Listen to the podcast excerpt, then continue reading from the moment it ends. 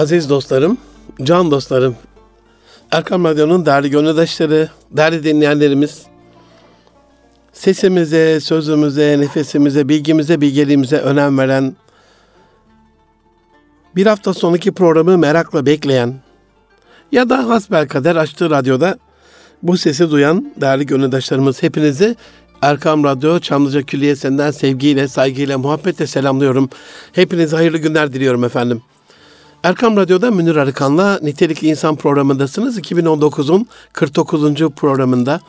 iki haftadan beri yüreğimizi yaralayarak anlatmaya çalıştığım, yürek yakarak, yüreğim yanarak anlatmaya çalıştığım neden bizde olmaz sorusunun sorularını sormaya, sizi düşündürmeye, bir düşünce koç olarak kendimi düşündürmeye, acıyan yaramıza merhem bulmaya, kanayan yaramızın kan kanamasını kanamasını durdurmaya, derdimize çare olmaya vesile olur umuduyla yanmaya ve yandırmaya devam edeceğiz efendim. Neden bizde olmaz? Devam ediyor. Bize ulaşmak isterseniz nitelikli insan et erkamradyo.com e-mail adresinden ya da et erkamradyo veya et Arıkan tweet adreslerinden bize her zaman ulaşabilirsiniz aziz dostlarım. Özellikle yurt dışından değerli dinleyenlerimize orada gördükleri iyilikleri, güzellikleri bizim ülkemizde de uygulanması adına bizlerle paylaşmalarını özellikle istirham ediyorum. Çok hızlı bir şekilde 47 ve 48. programların özetini vermek istiyorum aziz dostlarım.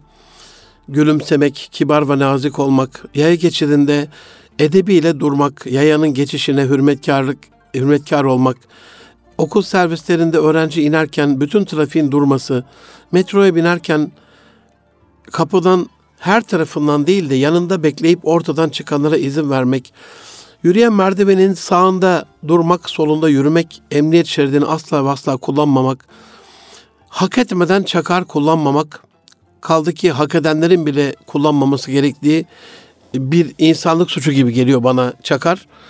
Bilmem neden kullanılıyor. Ee, çok da yani bürokratik açıdan anlamış değilim. Devlet erkan açısından bile hani Allah muhafaza teröre bak burada bir devlet görevlisi var sanki gel öldür gibi bir çağrı gibi geliyor bana. Normal şekilde gidilmesi çok daha uygun. E, ceza yediğimizde polisi iknaya çalışmak, çalışmamak. Yani çalışmak bizde olur, çalışmamak. Neden bizde olmazı soruyorum çünkü. E, ambulansta bilinen sadece tek bir şeritten gitmek, yere tükürmemek, komşulara selam vermek, çöpleri ayrıştırmak, organik atıkları toprağa kazandırmak, mutfakta gübre yapım aparatları, balkonda gübre yapmak, toplu ulaşımda, kafede, durakta, plajda kitap okumak, korna çalmamak, yerlere tükürmemek, taksilerde sigara içmemek, otellerde sigara içmemek, havalimanı çıkışları gibi büyük binalarda bile olsa büyük binaların çıkışında sigara içmemek, taksicilerin bilmemiş gibi yapıp size aldatmadan gideceği yere götürmesi, uzak yakın mesafe seçmemek, taksilerin ve taksicilerin kirli ve bakımsız olmaması, taksicilerin nazik ve kibar olmaması, bisiklet yolları, kaliteli bisiklet yolları, ring hattı olarak her tarafa bize ulaştıran bisiklet yolları, elektrik üretilen üreten yollar, binanın düzgün enerji verimlerine riayet ettiren yalıtımları, belediye otobüs duraklarının yeşillenmesi, çatılarının çiçeklerle ekilmesi, sıraya geçince yığılma şeklinde değil de tek sıra halinde hizaya geçmek, kasiyerlerin kartı verdiğimizde üstünde yazılan ismimizle bize hitap etmesi, eczacıların e, şifa bulmaya gittiğimiz ilaç satan bize şifamıza vesile olan insanların e, ismimizle hitap etmemesi, hastalığımızı sormaması, hal hatır sormaması, doktorların bize ismimizle hitap etmemesi, e, hitap etmesi, neden bizde olmazı soruyorum. Dolayısıyla ismimizle hitap etmesi, özür dilerim aziz dostlarım, tarihi turistik eserlere sahip çıkmak, gece kondunun olmaması, en son gece kondu. 1956 yapılmış Avrupa'da demiştim. Kaliteli, uygun, marka hizmetler ve ürünler marka ve markalaşmak, eleman çalıştırırken kendi düşüncemize göre değil, liyakata göre, hak edişe göre eleman çalıştırmak, mesai mesai saati içinde bitirmek, işi fazla mesaiye bırakmamak, işçiye hakkını maaş olarak SSK'sını gerçek maaş üzerine yatırarak sosyal haklarını vererek çalıştırmak neden bizde olmaz demiştik iki haftadan beri. Devam edelim. Yol boşken gece yarısı da olsa kırmızı ışıkta beklemek neden bizde olmaz? Neden insanlar sağa sola bir bakar kimse yoksa? Neden arabalar sağa sola bakar kamera yoksa?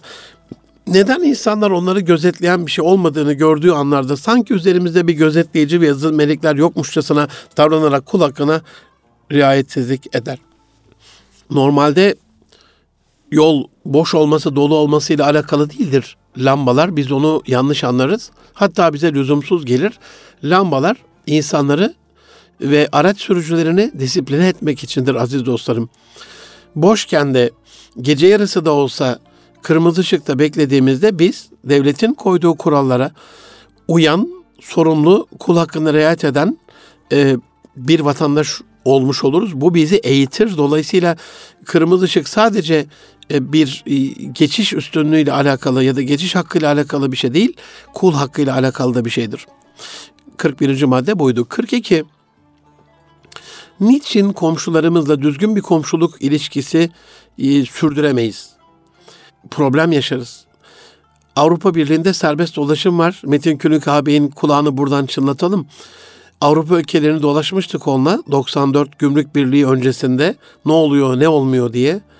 İnanılmaz hani ondan evvel de gittiğimizde sonra da gittiğimizde Avrupa'nın Meksika ile Amerika'nın sorunları var ama Kanada ile Amerika'nın uzak doğuda özellikle e, Kore'nin ve Japonya'nın neden Kore'nin Güney Kore, Kuzey Kore problemi var ama Kore, Japonya arasında söylüyorum.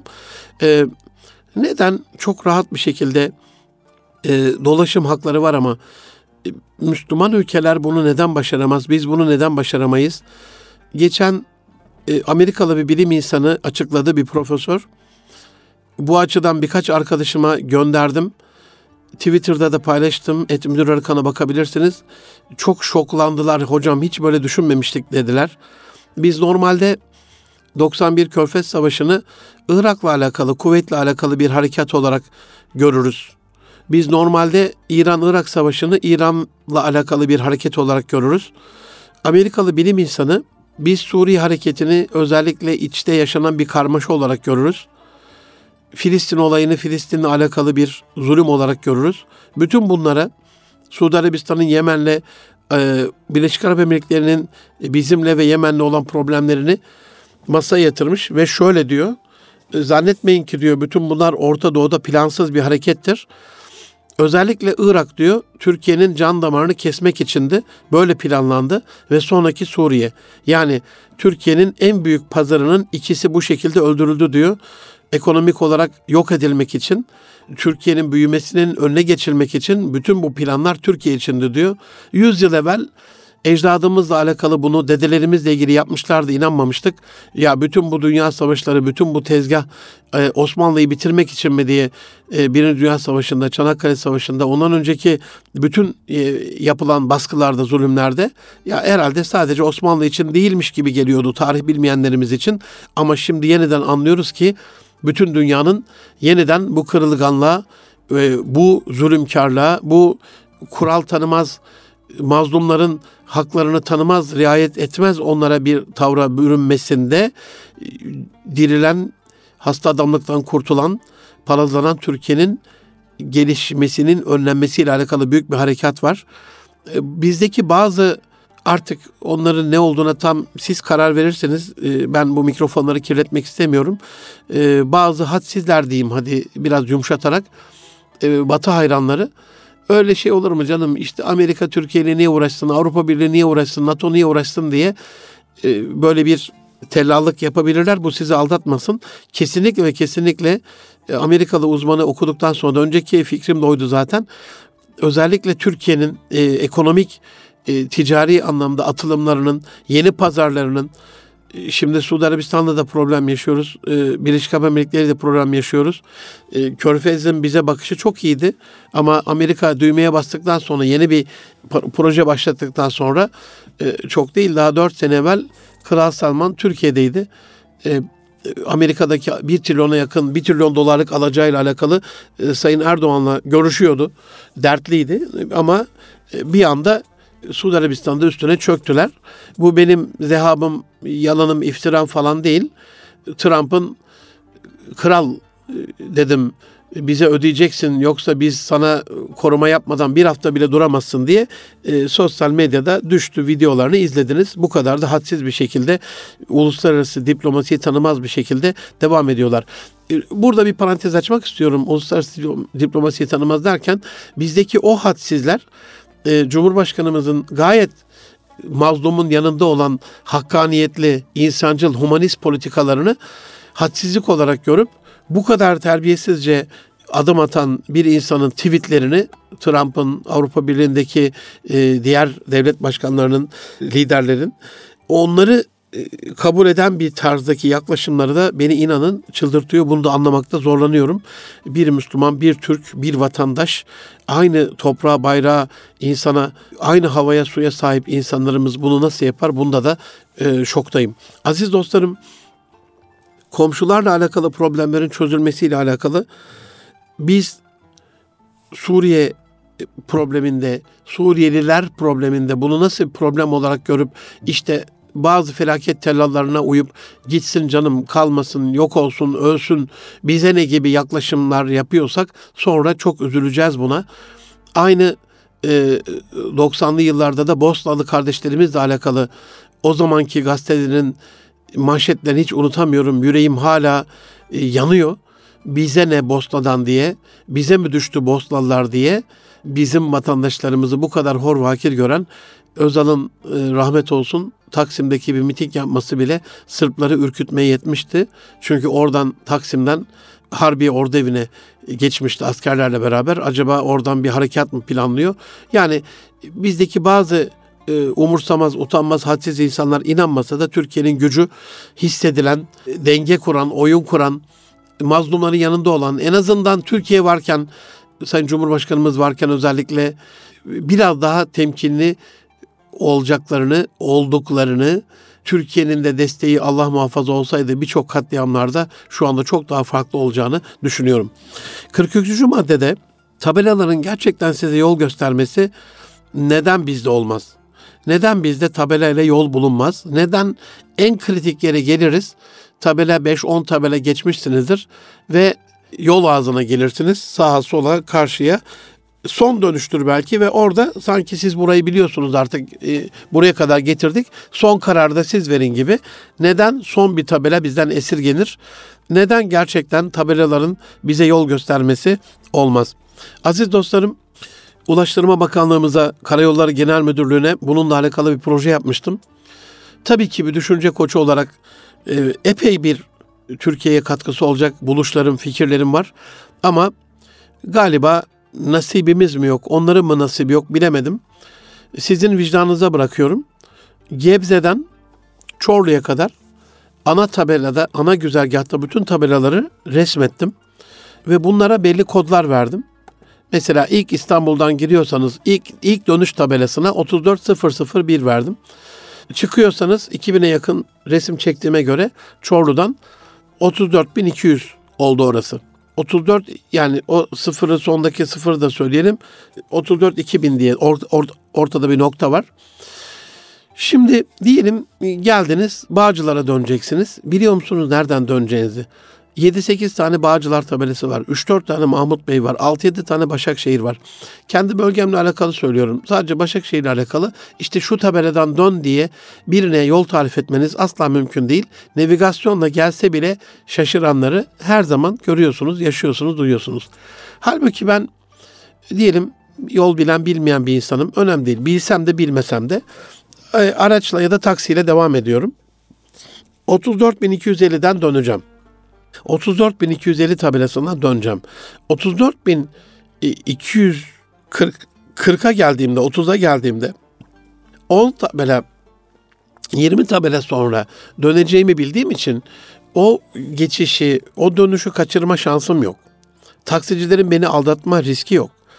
Benim yetişememe gibi bir şeyim yok. Tam adresi teslim bir tabela olacak.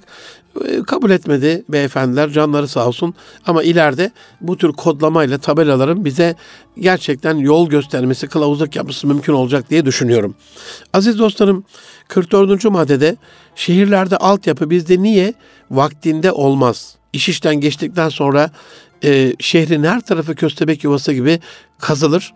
Ama niye bu altyapı, yeraltı tünelleri, tüm elektrik, su, doğalgazın, fiber kabloların ulaş şeyle alakalı haberleşmenin oradan geçmesi niye bizde olmaz? Sürekli kazılır, sürekli kazılır. Kurumlar arasında koordinasyon niye bizde olmaz? Ortak bir data havuzundan bilgileri alıp o sokakla, o yolla, o caddeyle, o güzergahla alakalı bilgiler niye bizde paylaşılmaz? Bunun da e, şokundayım. Can dostlarım Yeterli metro 45. maddede neden bizde olmaz? Size söyleyeyim çünkü metro pahalı bir yatırımdır. Ee, geleceği kurtaran bir yatırımdır. Kısa vadede mesela 4 yıl 5 yıl süren en azından kısa yerlerde 2-3 yıl süren metrolar vardır. Bir dahaki sonraki seçimlerde değil iki sonraki seçimlerde şehrin hayatına etki edecektir. Dolayısıyla o seçimle alakalı ve bütçenin de büyük bir kısmını yer. Başkanlarımız o seçime endeksli hemencecik böyle reytingleri artıran, halkın teveccühünü alan, oylarını alan bir yatırım peşinde koştuklarından dolayı Türkiye Cumhuriyeti'nde parti ayrımı yapmıyorum bugüne kadar. Özellikle büyük şehirlerle alakalı yeterli metro yapılmaz. Ondan sonra binalar kurulur. Kurulan binaların altından bir sürü masraflarla e, bina çatlar, öbür bina yıkılır, bir sürü tazminatlarla yandı gülüm keten helva haline gelir. Halbuki bunu vaktinde yapıp güvenlik tedbirlerini alıp altyapısını hazırlayıp üstüne şehir kursak çok daha güzel yurt dışındaki gibi olur diye düşünüyorum. Aziz dostlarım 46. madde kılık kıyafete çok önem vermemek, rahat giyim bizde niçin olmaz? Babam, sevgili babam hep anlatır. Rahmet olsun Muhammed Hamidullah hocamı e, benim hocam değil de eserlerinden sadece hocam oluyor ama babamın hocasıydı. Yavrum derdi kafasına bir tane poşet geçirir yağmurda şu İstanbul yağmurlu İstanbul gününde de onu anmış olalım rahmetle rahmetin yağdığı bir günde. Üstüne böyle bir şey atar, mont atar. Öyle gelir koşarak. Yok özel bir araba, yok bir makam şoförü, yok bilmem ne falan. Hayır hayır öyle değil. Çok böyle mütevazi olduğunu söylerdi yani bizde herhalde bir profesörümüz kafaya böyle bir e, poşet falan geçirdiğinde akademik kariyeri zedelenir gibi geliyor. Biraz hayatı basitleştirmekte, sadeleştirmekte e, fayda var. İsrafı biraz önlemekte fayda var gibi düşünüyorum. Bizde bu kravatla alakalı olayın çözülmesi gerektiğini düşünüyorum. Sıkı çorap ve kravat bir insanlık suçudur.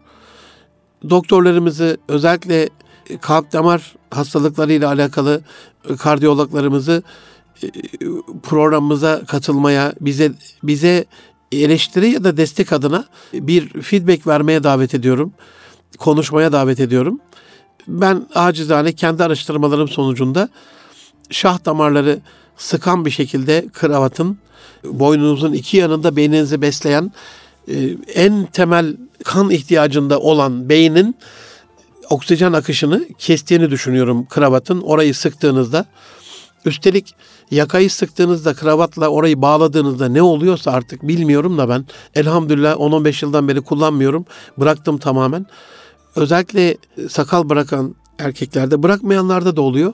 Orayı sürekli tahriş ederek gömlek yakasının gömlek yakası açıkken bir sorun yok ama kapalıyken e, diklemesine boynunuza ve çenenize baskı yaptığı için orayı tahriş edip sürekli orada bir iltihabi durum oluşturduğunu biliyorum e, bize ait bir şey değil. Neden bu kadar buna sahip çıktık ve bunu memurlarla ilgili elhamdülillah son dönem biraz kıyafet serbestisi oldu. Başörtüsü serbestisi oldu. Bu başörtüyle kravatla alakalı da bir şey oldu. Özellikle öğretmenlerimizde, memurlarda. Ama yeterli olduğunu düşünmüyorum.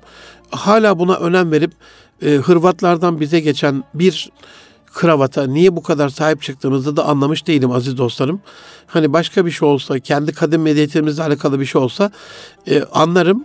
Orada da kafam şundan dolayı karışık. Kendi kadim medeniyetimizin hiçbir e, kıyafetine de önem vermek asla ve asla söz konusu değil.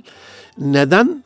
Batının çığırtkanlığı olduk? Neden başka insanların kılık kıyafetiyle alakalı onların savunucusu olduk? Bu konuda ölümüne mücadele ediyoruz. Onu da anlamış değilim. Ee, güzel bir örnek bir holding yöneticisi hanımefendi e, bu ayki Kapital dergisinin manşetindeydi, kapağındaydı. Reklam açısından isim verilmiyor, isim vermeyeyim ama çok takdir ettim. Yeşil bir kıyafet, inanılmaz bir şekilde işlemeli, nakışlı, e, böyle bin dallı. Yani ben uzun yıllardan beri e, profesyonel iş hayatında eski geleneksel Türk ve Osmanlı motifleriyle ilgili bir kıyafet giyen bir hanımefendi görmemiştim. O açıdan çok takdir ettim. İnşallah e, bu hafta içerisinde çok yoğundu programım. E, Twitter'dan da kendisine tebrik, teşekkür ve takdirlerimi ileteceğim. Kızlarımıza, genç kızlarımıza örnek olması açısından. Yani bizim o işlemeli, sırmalı e, bin dallarımız, e, bin dallarımız, ondan sonra iğne oyası, özel nakışlı kıyafetlerimiz bir şey hilkat garibesi gibi görülüyor. Bir aşağılık kompleksi oluşturuyor gibi görülüyor. Ama Batı ile alakalı uçuk kaçık mesela ucube bir kıyafet. Hocam nasıl ucube? Mesela her tarafı yırtılmış paramparça bir kot o geleneksel kadim kıyafetimizden çok daha sevilerek giyilebiliyor genç kızlarımız tarafından. Bunu anlamakta da zorlanıyorum. Erkeklerimiz de yine aynı şekilde. Aziz dostlarım biraz rahat giyinmekte fayda var. Dedim iki şey insanlık suçu. Sıkı kravatla bu yakayı çok sıkıp şah damarlarına baskı yapıp kanın gidişini, akışını engellemek ve sert lastikli çorapla ayağı sıkmak. Çoraplarınıza lütfen hatırım için bakın şu anda ihmal etmeyin. Ayağınıza girdiğiniz çoraplarınıza paçanızı yukarıya doğru kaldırın. Pantolon paçanızı çorabı aşağı doğru indirin ve bir bakın orada iz var mı? Ayağınızda iz varsa e, toplar damarlar kanı yukarıya doğru taşıyamıyordur. Mutlaka kalbiniz ekstra bir efor sarf ediyordur, yoruluyordur. Kalp sağlığınızla alakalı bunu asla ve asla önermiyorum. Eğer bu durumdaysanız e, şeker e, hastalar için özel şeker çorapları var. İlla hasta olmanıza, şeker hastası olmanıza gerek yok. Ben normal çorap aldığımda da o çorabın şey kısmını, e, ağız kısmını yukarı doğru dize doğru çektiğim kısmı makasla bir miktar keserek ağzını mutlaka açıyorum. 47. maddede diş sağlığına ve temizliğine özen vermek neden bizde olmaz? Anadolu'yu dolaşıyorum. Gittiğim her ilçede, gittiğim her ilde beni ağız ve diş sağlığı merkezleri karşılıyor. Kallavi, inanılmaz büyük yapılar. Bu ne demek? Dişlerimiz çürük. %86'mızın dişi çürükmüş zaten. Dolayısıyla %86 çürük olduğuna göre de büyük büyük o devasa binalar ağız ve diş sağlığı ile alakalı yetişemiyorlar artık. Devlet de yetişemiyor bu tedaviye. 2 aylık, 3 aylık bazen randevular duyuyorum. Bunun çok basit bir şekilde çocuklarımıza misvak alışkanlığı kazandırarak küçük yaşlarda, çocuklarımıza dişlerini fırçalama alışkanlığı kazandırarak küçük yaşlarda, özellikle abur cuburdan, e, paketli şekerlerden onları uzaklaştırarak kadim medeniyetimizde ben Antepli bir kardeşinizim e, aziz dostlarım pestil zamanı şu anda bastık zamanı e, şıralı sucuk zamanı şu anda fıstıklısı cevizlisi farklı şeyleri var. Kuru üzüm zamanı kuru düt zamanı kuru erik zamanı kuru kayısı zamanı şu anda e, çerez olarak işte kuru yemişlerle alakalı antep fıstığı yer fıstığı ceviz zamanı. Bütün bunlar bir çocuğun alacağı enerji, vitamin, mineralle alakalı yeterli, artar bile. Yeteri kadar vaktinde bunu verdiğinizde işte sabahları okula giderken eskiden bize bir avuç kuru üzüm verilirdi. O verirlerdi. Okula giderken bunu yerdik. Glikoz, oksijen ve su biliyorsunuz beynin en temel üç gıdası ve olumlu düşünce dördüncü gıdası da. İşte oradaki glikozu gideriyor ihtiyacını. Oradaki kuru üzüm. Mehmet Ali Bulut hocam ısrarla söylüyor yıllarca lütfen kulak verin kendisine. Mısır nişastasıyla, mısır şurubuyla yapıldığı için şu andaki şekerlemeler birçok problem oluşturuyor çocuklarımızla alakalı. İşte alıştırdığımızda da hemen diş fırçalamaya da misvak kullanma alışkanlığı yok o şekerlere. Dolayısıyla çürükler artmış durumda. Aziz dostlarım 48. maddeden devam edeceğiz. İnşallah kısa bir ara veriyorum. İki haftadan beri devam eden serimiz bugün inşallah e, bitirmiş olacağız 49. programda ve 49. maddede kalmış olduk. Neden bizde olmaz? Az sonra devam edecek. Nitelik Lisan programında Münir Arıkan'lasınız. Az sonra görüşmek üzere efendim. Şimdilik hoşçakalın. buluşma noktamız Erkam Radyo.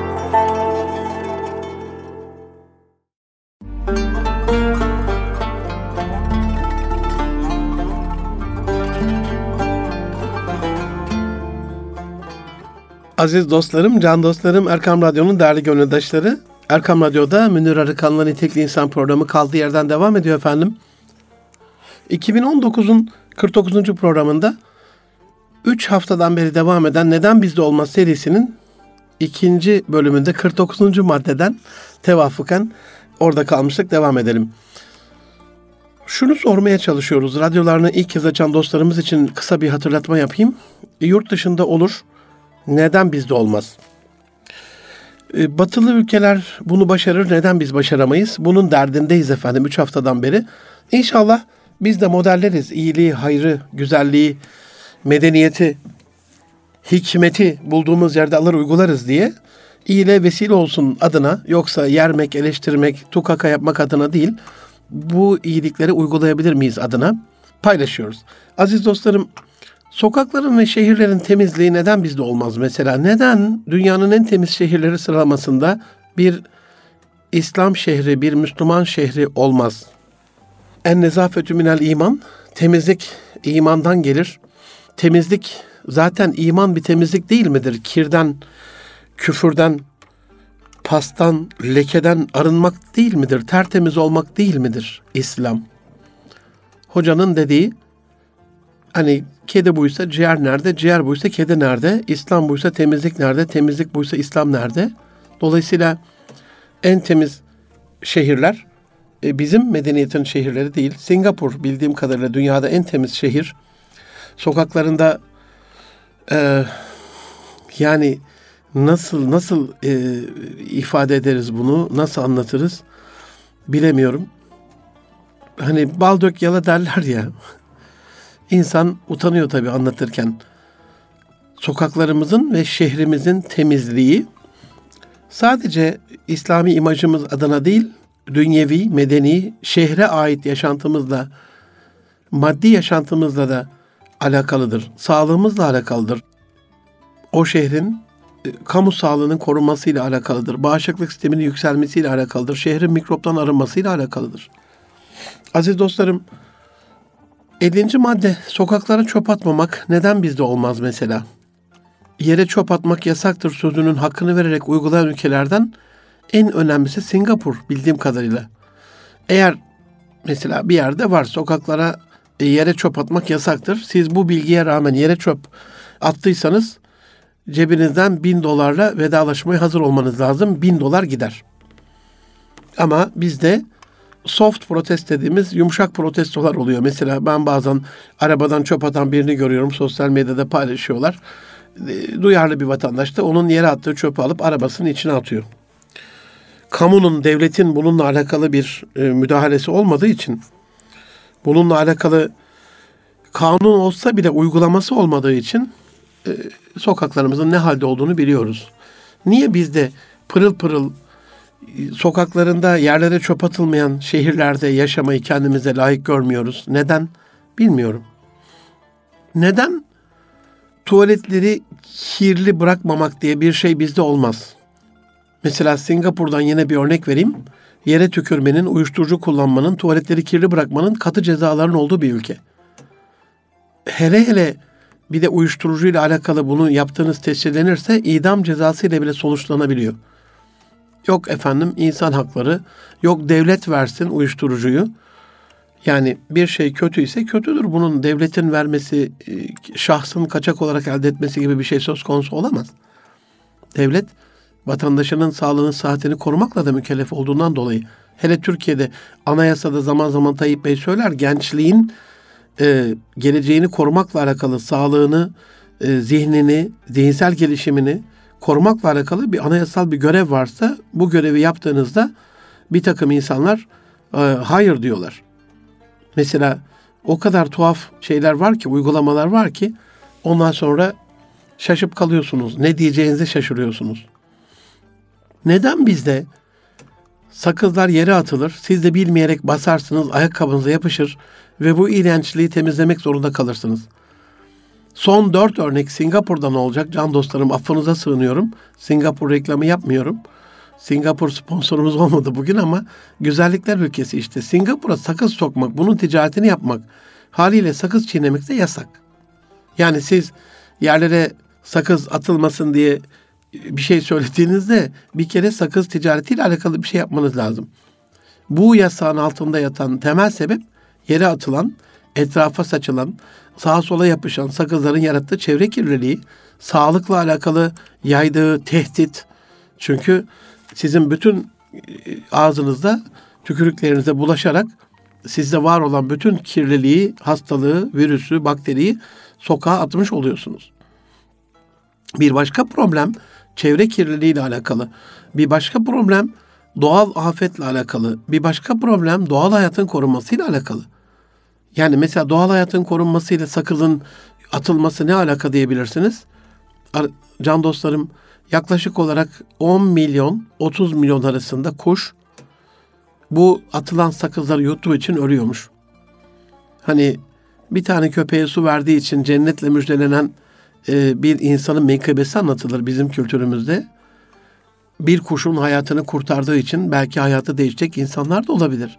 Medeniyetimiz, kadim İslam medeniyeti Osmanlılar'da, Selçuklular'da sarayların duvarlarına, camilerin duvarlarına saray gibi kuş evleri yapmışlar. Kuşlara verilen değer işte. Kanadı kuruk, kırık göçmen kuşlarına vakıf kurmuşlar. Kuşlara verilen değer işte. Şimdi bilmiyorum. Ee, geçen bir e, bilimsel makale okudum Harvard'dan. Amerika'da doğal parkların, milli park diyorlar onlara, national parks, milli parkların yaklaşık 350 milyon Amerikalı'nın hayatına katkısı 6 trilyon dolarmış.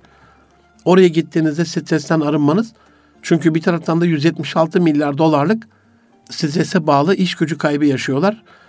500 milyar dolara yakında hastalıklarla ilgili stresin yol açtığı sekonder etki olarak hastalıklarla mücadelede. Yani nereden baksanız 600-700 milyar dolarlık bir 1 trilyon dolara yaklaşacak neredeyse. İşte bununla alakalı e, parklara gitmek, parklarda özellikle e, rahatlamak, oradaki doğal atmosferi solumak, oradaki temiz havayı solumak, bir faaliyet yapmak, yürümek, teknolojiden kopmak, doğayla bütünleşmek, aslına dönmek gibi özelliklerle doğal parkların, milli parkların Amerikalılara yıllık olarak sağladığı sekonder katkı 6 trilyon dolarmış can dostlarım. Bununla ilgili Türkiye'de de parkların özellikle şu sıkıştırıldığımız İstanbul şehir hayatında teknolojinin bunalttığı, çevre kirliliğinin e, bizi mahvettiği, trafik sıkışıklığının ömrümüzden ömür çaldığı İstanbul'da e, değerli ağabeyim Esenler Belediye Başkanı Mehmet Tevfik Göksu ağabeyin anti-stres e, park olarak açtığı e, parkı çok önemsiyorum. Geçen akşam da bir yazıştık Twitter üzerinden. Hani bununla alakalı abi inşallah Ünye'nin şifalı e, kumunu da getirmişsinizdir diye bahsetmiştim. Ünye kumu da getirmişler. Kendi beyanı Ünye kumu var. 10 farklı materyalin bir araya geldiği yürüyüş yol, yolunda travers var, manyetik kum var, mineralli beyaz taş var, deniz kumu var, ponza taşı var, elenmiş toprak var, silindik dairesel ahşap zemin malzemesi var, ahşap kütükler var, tamburlanmış podyuma çakılı ve bodrum taşları var. Dolayısıyla inşallah yakında Sivas'ın şifalı çamuru da gelir. E, ayaklarla ilgili Çanakkale'nin Laps'teki Çardak Kumadası'nın kumu da gelir. Birkaç ilave de olabilir ama şu haliyle bile hani bizim stresimizi yok edecek bir güzellik. Haydi çıkartan ayakkabıları Esenler Şifa Bahçesi'ne diye buradan da söylemiş olayım. Değerli abim Mehmet Tevfik Göksu'yu da bu vesileyle e, buradan anmış olalım. Tebriklerimizi, teşekkürlerimizi, sevgi, saygı ve selamlarımızı, dualarımızı e, iletelim kendisine. Aziz dostlarım, 53. maddedeyiz. Neden kirli arabaların üzerine beni yıka yazıları her tarafta talar, tertemiz, arkası böyle tozlu yazısız arabalar neden bizde olmaz? Mesela Singapur'da bu tür arabayı kirli bırakmanın bir de üzerine yazı yazmanın da ayrıyeten cezası var. Ama bizde her Türk alfabeyi arabaların kirli camlarından öğrenir zaten. Oralara yaza yaza öğrenir. Dolayısıyla burada da böyle bir şey var. mülke izinsiz 54. maddedeyiz. Girenleri vurma izni neden bizde olmaz mesela? Hocam ne yapıyorsun? Ee, böyle insan hakkı falan değil mi? En büyük insan hakkı can, mal, namus hakkıdır. Kendi evinizde özellikle büyük şehirlerde bir takım magandaların kendilerini bir şey sanarak çola çocuğa, hanımefendilere, kızlara sarkıntılıkları, onlarla alakalı aymazlıkları, onlarla ilgili e, ahlaksızlıkları aldı başını yürüdü gitti. Bilmiyorum emniyetin bu konudaki çabası, İçişleri Bakanlığımızın çabası ne durumda? Ama en son bu Çinli kızın öldürülmesi olayında, katledilmesi, tecavüze uğraması olayında biz bunları akşamda çocuklara anlattım evde. Biz bunları e, sosyal medyada WhatsApp mesajlarından birbirimize yolladığımız mesaj olarak biliyorduk. İşte size kasten çarpıyorlar sonra arabada yalnızsanız alıp sizi götürüyorlar.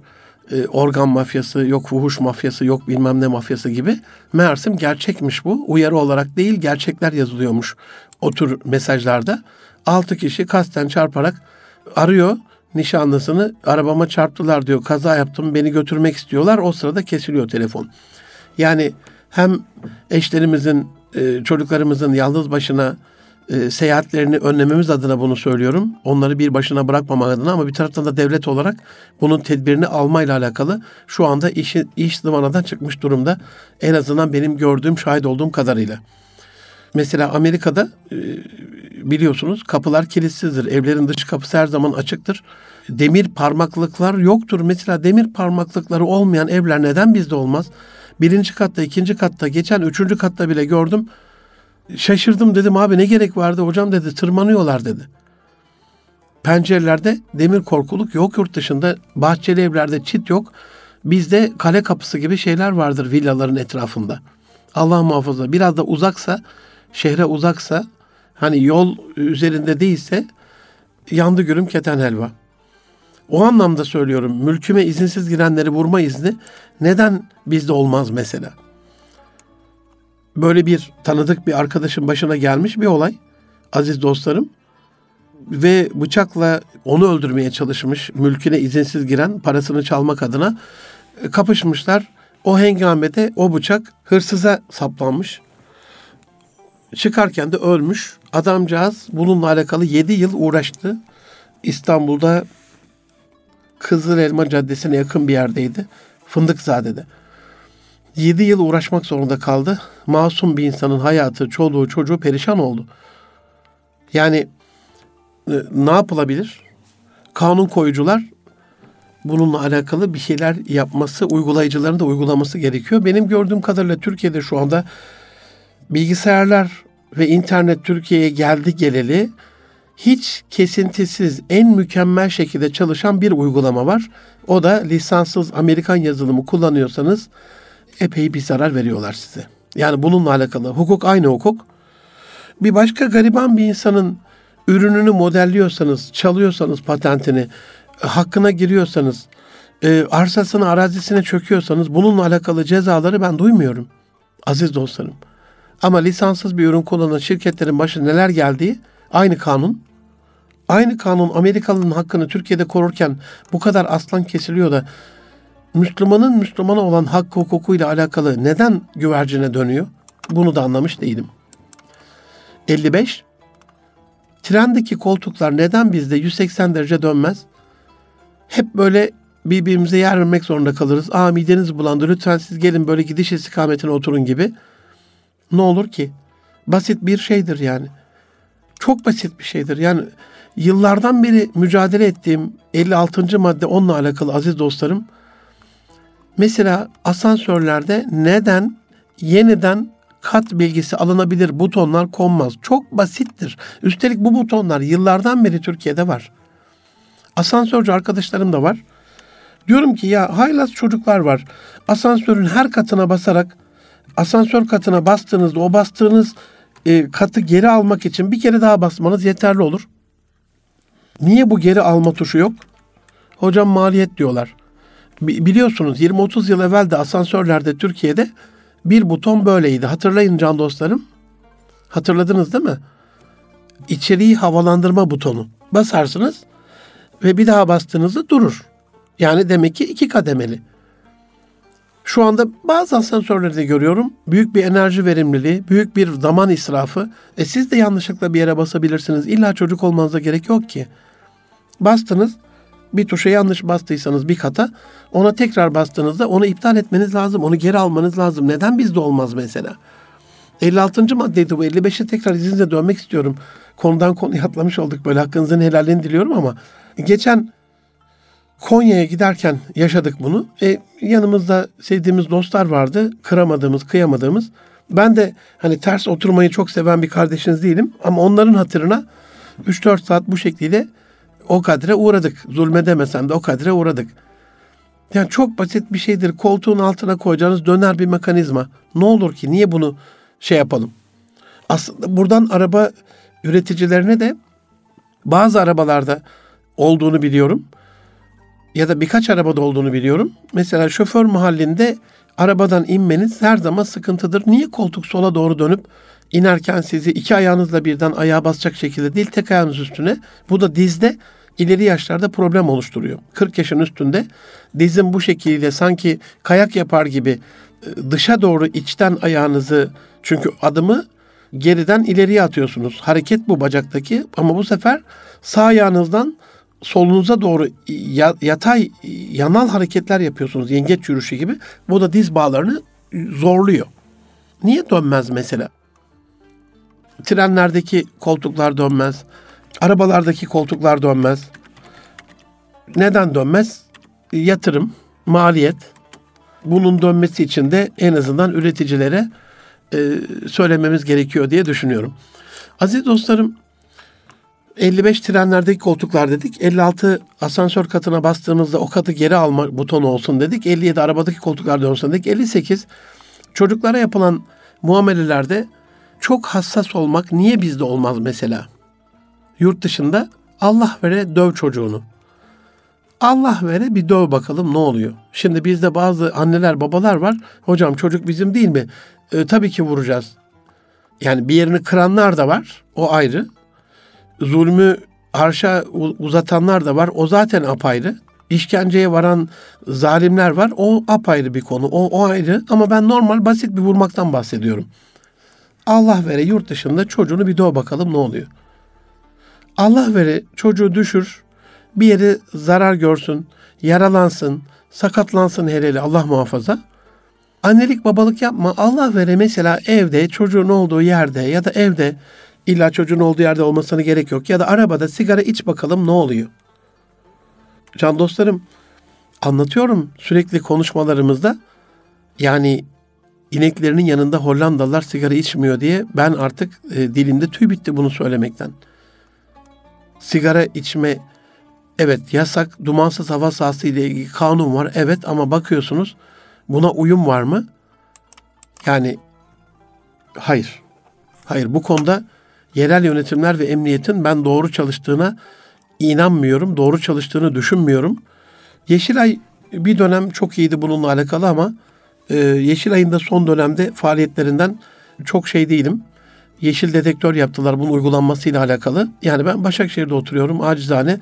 Hemen hemen yüzde doksan kafelerde çok rahat bir şekilde sigara içiliyor. Yemekhanelerde, yemek yenilen restoranlarda içiliyor. Bir şekliyle bu, bunu da düşünmemiz lazım. Şimdi bizde şöyledir. Evet kanunen yasaktır. Şöyle bir tartar bir insan.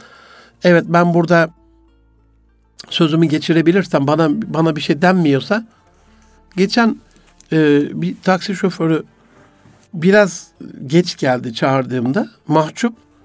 Benim de yetişmem lazım. Biraz stresliydim. Abi dedi sigara içebilirsin dedi. Dedim kardeşim ne münasebet. Ne münasebet yani. Hani yaptığın bir hata geç kaldın beni geç bırakıyorsun. Bir de şimdi sigara içim hem kendime zarar hem sana zarar hem benden sonra arabaya binecek olan insana zarar. Yapmayın dedim böyle şeyler. Alerjik hastamım var bak bir önceki müşterine sigara içirmiş olsan şimdi ben zarar görmüş olacaktım bundan. Abi pardon falan dedi ama neye yarar? 60.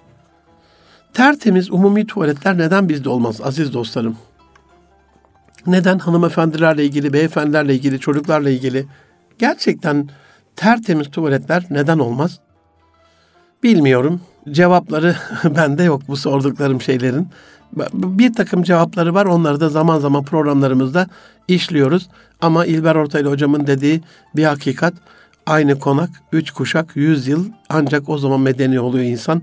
Onun dışında medeniyet yarışında epey bir geri kalmış oluyor. 60. madde köpeklerini gezdiren insanları görüyoruz. Hayvan haklarına karşı çok hassaslar. Neden bizde olmaz? Mesela hafifçe çarpılan, ayağı kırılan, üstünden geçilen bir hayvanı alıp hemen veterinere götürmek neden biz böyle bir alışkanlık kazanamıyoruz? İnsanlar köpeklerini gezdiriyorlar, biz çocuklarımızı gezdiremiyoruz. İnsanlar köpeklerini bile veterinere götürüyorlar. Biz iş yerinden izin alıp şöyle çocuğumuzun şişen dişiyle alakalı, apse yapan diş etiyle alakalı, dişiyle alakalı izin alıp da daha bir onu doktora götüremiyoruz mesela. İnsan hakları, hayvan hakları, kul hakları bu üç yol ağzında e, düşünmemiz lazım biraz. Aziz dostlarım, neden bizde olmaz serisinin üçlü bir program yaptık. Bu programla sonuna gelmiş olduk. Tabii ki bu kadarla sınırlı değil. Binlerce madde olabilir. Henüz e, okullarla alakalı, öğretmenlerle alakalı, akrabalarla alakalı, akademik çevrede hocalarımızla alakalı, üniversitelerin durumuyla alakalı, işletmelerin durumuyla alakalı, yerel yönetimin durumuyla alakalı birçok şeye daha hala değinemedik. Genel olarak birkaç bir şeye değindik ama dolayısıyla bu kadarla sınırlı değil ama ben bu programda özellikle şunu vermeye çalıştım bu seride. 49. programın sonundayız. Şimdi bitiriyorum programı izninizle. En azından bir düşünelim ya batılı dediğimiz insanlarda olan şeyler, güzellikler bizde neden olmasın? Biz de buna layıkız gibi düşünürsek eğer birçok güzelliği bizim de kendi hayatımıza katmamız mümkün olacak. Can dostlarım İnşallah gelecek hafta başka bir konuda sizlerle buluşmak üzere. Şimdilik hoşça kalın. Allah'a emanet olun efendim. Görüşmek üzere.